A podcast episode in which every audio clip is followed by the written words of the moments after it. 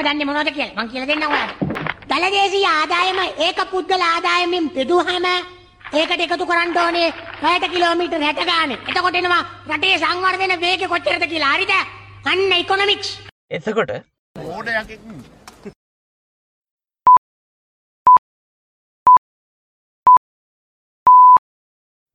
අයිබවන් අද දෙදස් විසිය එකේ සැප්තම්බර් දහටනිද රට කරන හැටි පොඩ්කාස්ට් එකේ හැත්තෙක් වෙනි කොට සත්්‍යක එකතුන හැමෝම වෙනදවාගේම අදත් ආදරන පිළිගන්න ඒ වගේම තමයි පොඩ්කාස්ට් එකේ හැත්තනි කොට සත්්‍යක එකතුරු අපිත් එක අදහස් බෙදාගත්ත හැමෝටමත් ගොඩක් ස්තුතියි කියලා කියන්න ඕනි.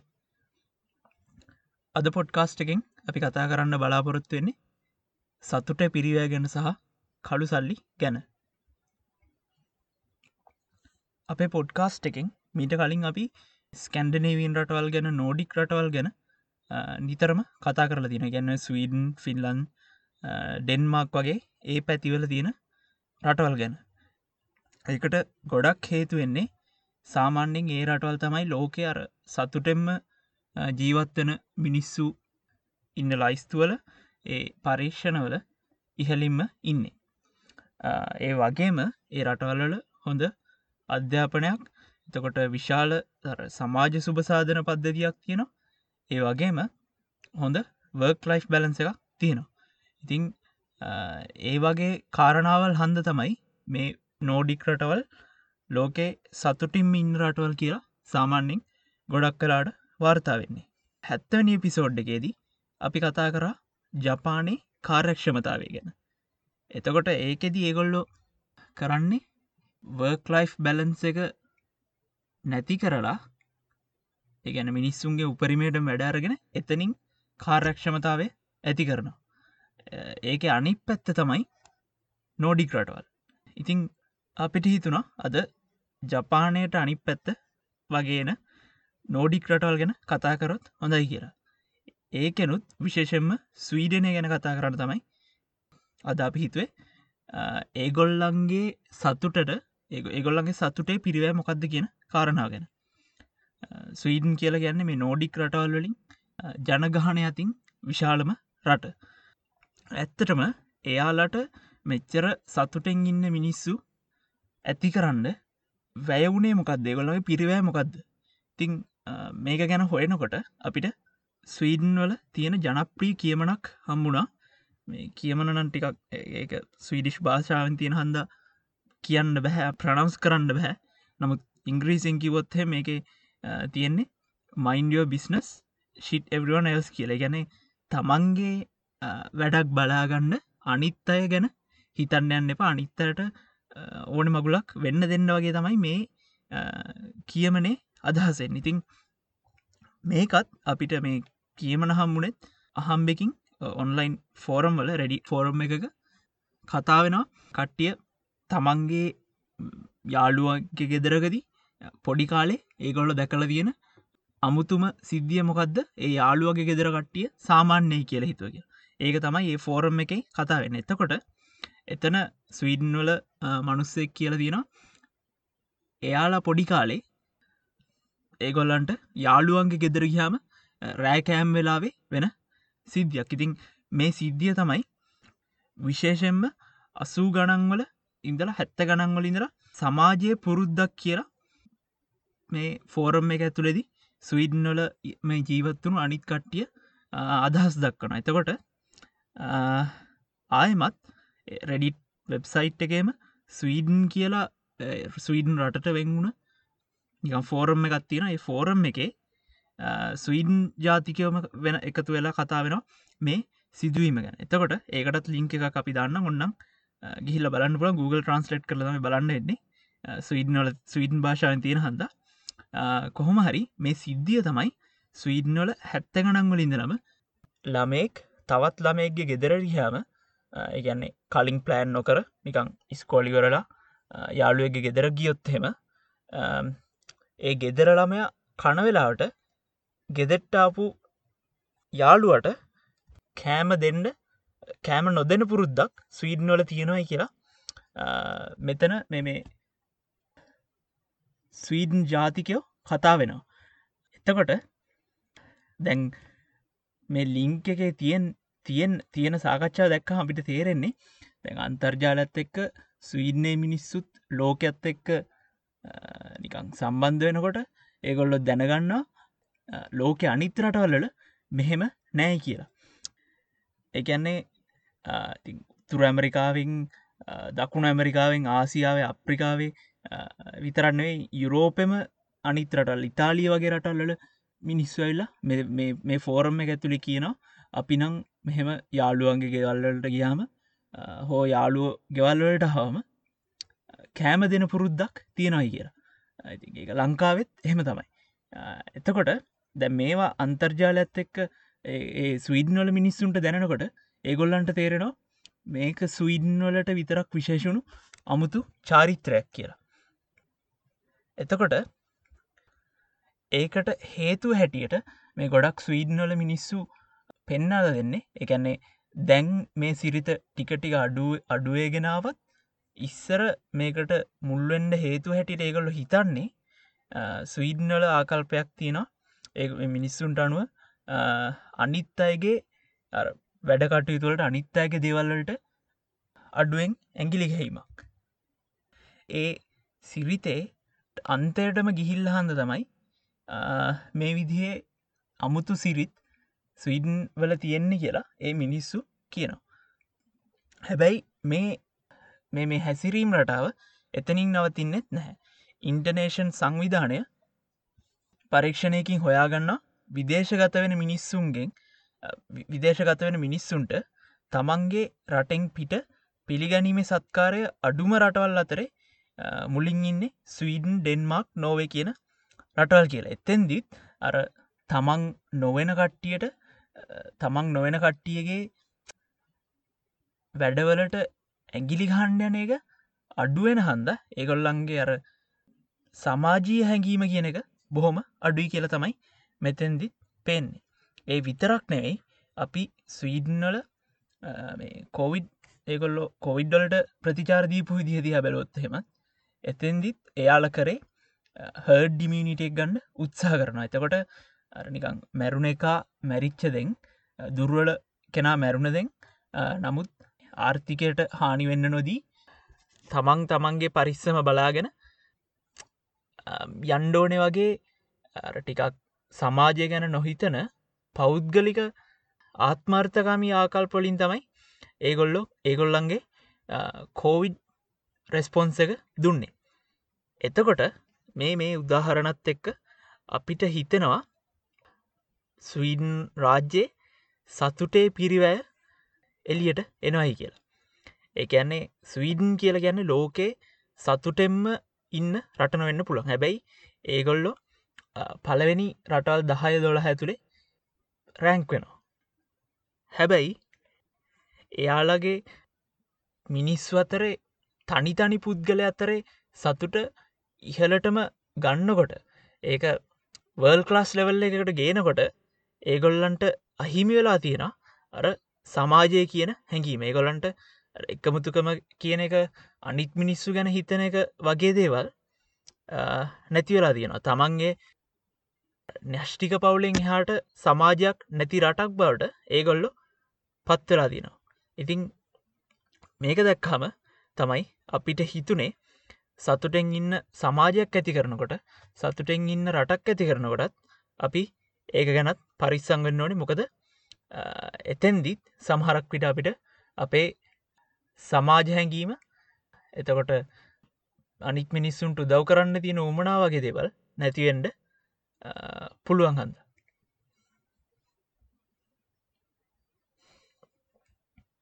ඊළඟට අපි කතා කරන්න හිතුවේ කළු සල්ලි ගැන.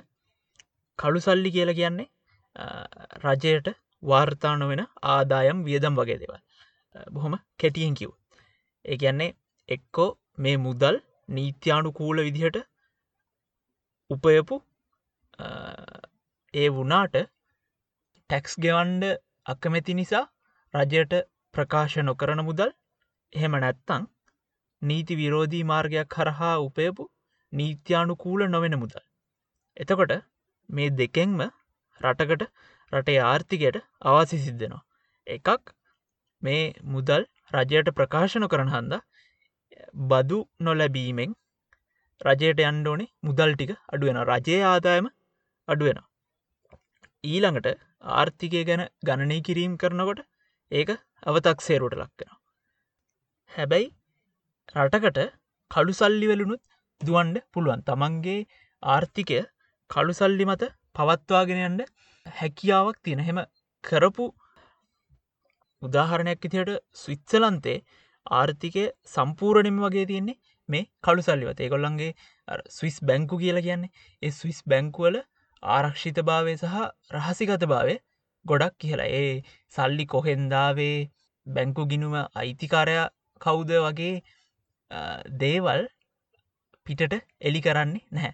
එතකොට ඒ විශ්වාසවන්ත භාවය හන්ද ගොඩක් කලාට අපි දකින්නේ කළු සල්ලි නීත්‍යානුකූල නොවැනි දිහට උපේප සල්ලි බදුගෙවන්ඩ කැමති නැති මිනිස්සුන්ගේ සල්ලි මේ ස්විස් බැංකුවලට වැටෙනවා. ඒකෙන් තමයි ස්විස්සලන්තය ආර්ථිකය රන්වෙන්නේ කොටිම්ම හිටලගේ කාලින් පවා අර යුද ජාතිකයන්ගෙන් හොරකං කරපු සල්ලි මේ ස්විස් බැංකුවල තැම්පත් කරලා තියෙන එතකොට ඒවට අඩුවෙන් ඒ ඒවට අඩුවෙන් බදු ගෙවන්න ඕනේ සහ ඒ මුදල්වල රහසිගත බව උපරිමයටම ආරක්ෂයනවා ඒ විතරක් නෙයි ස්විත්සලන්තේ හැරුණාම බර්මියුඩාව මුරුසිය පැනමා වගේ රටල්ලටත් මේ කළු සල්ලි තැම්පත් කරන්න පුළො සහ ඒ රටවල්ල ආර්ථිකය ගොඩක් දුරට රඳ පවර්ති පවතින්නෙත් මේ කළු සල්ලිවල උපකාරයි.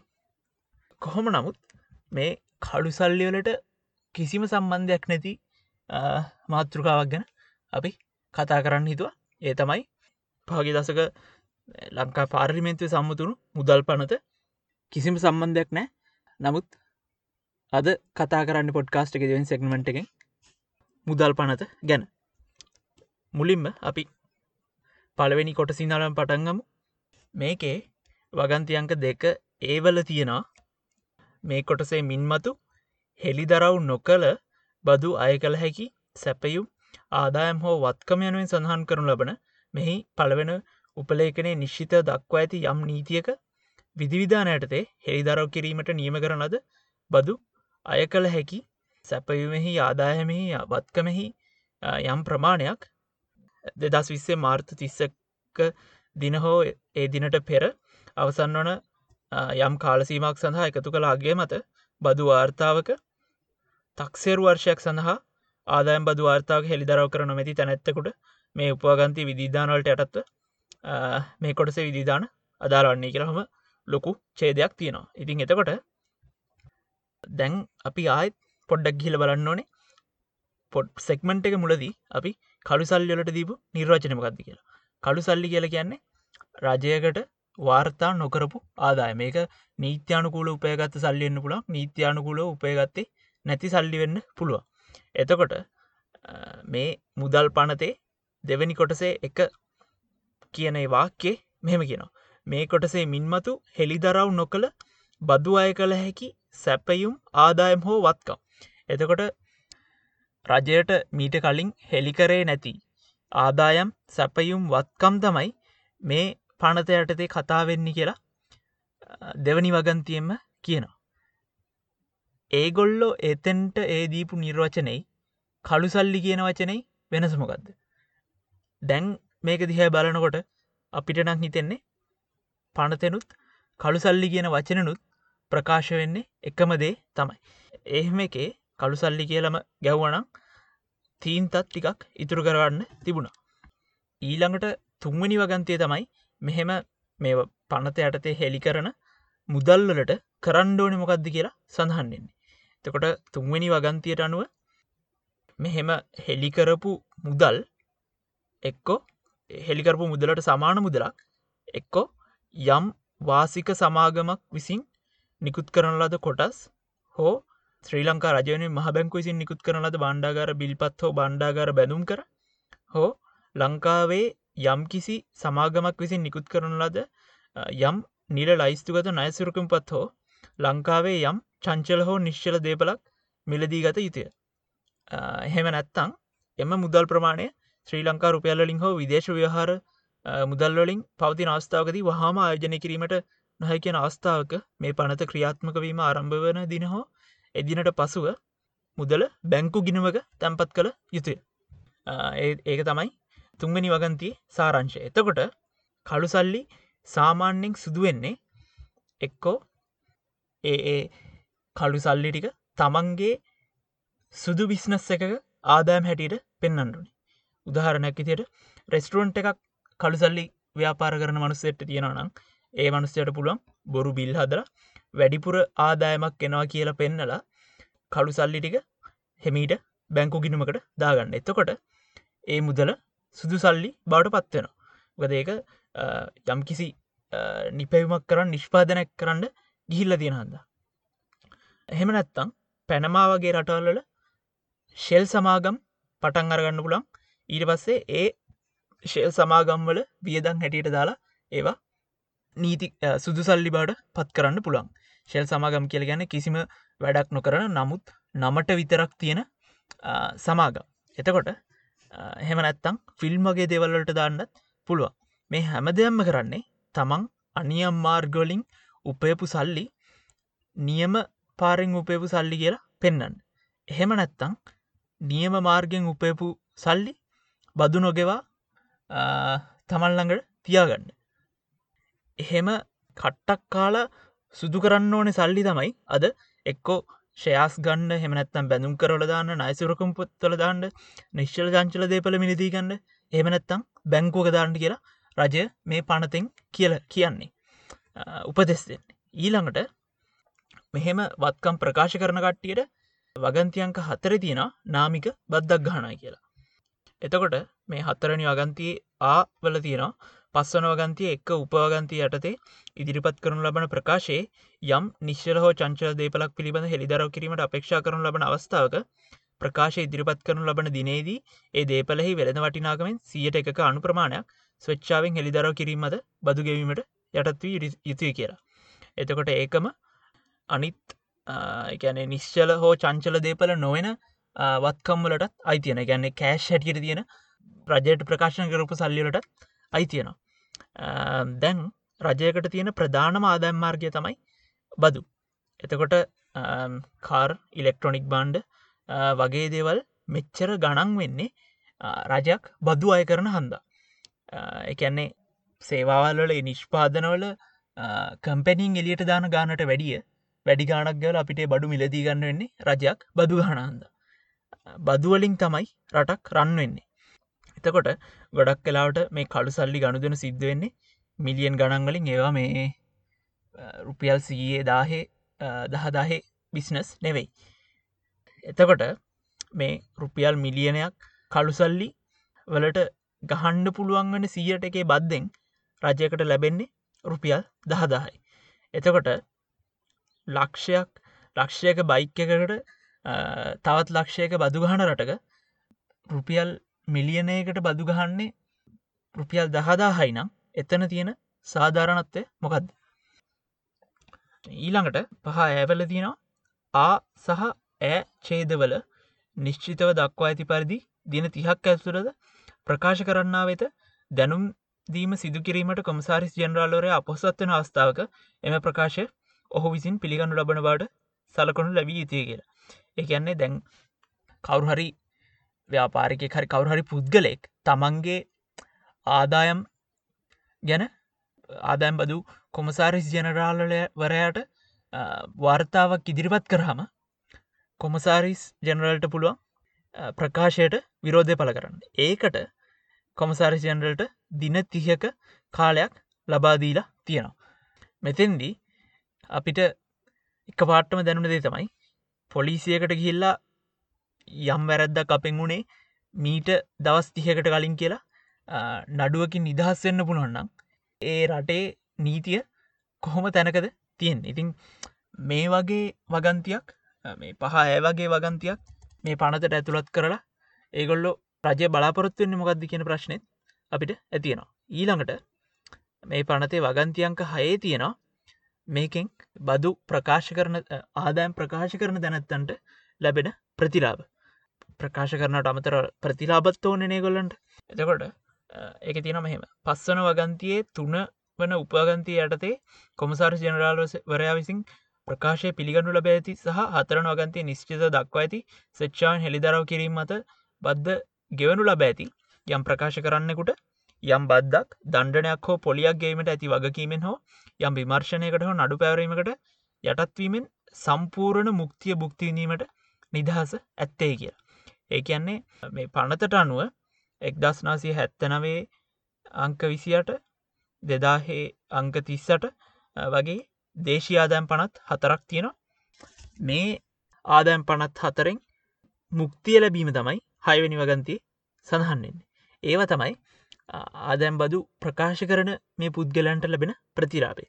ඊළඟට වගන්තියන්ක දොළහේ තවත් කොමසාරිස් ජෙනරාලෝරෑසින් දාහතරවන සහත් පහලස්වන අගන්තිවලට යටත්ව දෙදස් විස්සේ මාර්තු තිස්සක අවසන් වන අවසන් වන තක්ෂ තක්සේරු වර්ෂය සඳහා දෙදස් දාහතය අංක විසිහතර දරන දේශයාදම් පනතේ විදිවිධාන ප්‍රකාරව ගණනය කරන ලද තක්සේරු කළ හැකි ආදායම රුපියල් මිලියන තුන නොවෙක්මවන පුද්ගලයකු විසින් දෙදස් විස්සේ දෙසැම්බර් මස තිස්සෙක් වන දෙන සිට දෙදස් දෙකේ අංක දාහතර දරන එක වැට් පනත හැර පලව උපලේගනේ නිශ්චිත දක්ව ඇති යම් නීතියක් විධවිධානයටතේ ගෙවී යුතු යම් හිංග මුදල් කපාහරුන් ලැබ යුතේ ඒ මේ වගන්තියෙන් ප්‍රකාශ වෙන්නේ කොමසාරිස් ජෙනරාල්ල රෑඩ දේශයාදම් කොමසාර්ෂ ජනරලරෑඩ ඉදිරිපත් කරන ආදායම්වල පුද්ගලෙක් එය ප්‍රකාශ කරන ආදැම්වල වටිනාකම රුපියල් මිලියන තුනකට අඩුනම්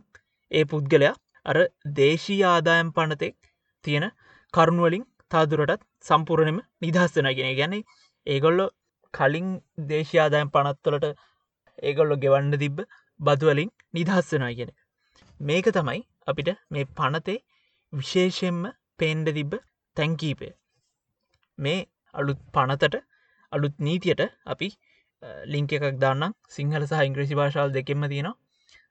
ගිහිල්ලා ඒක කියවන්න පුළන් කැපතින.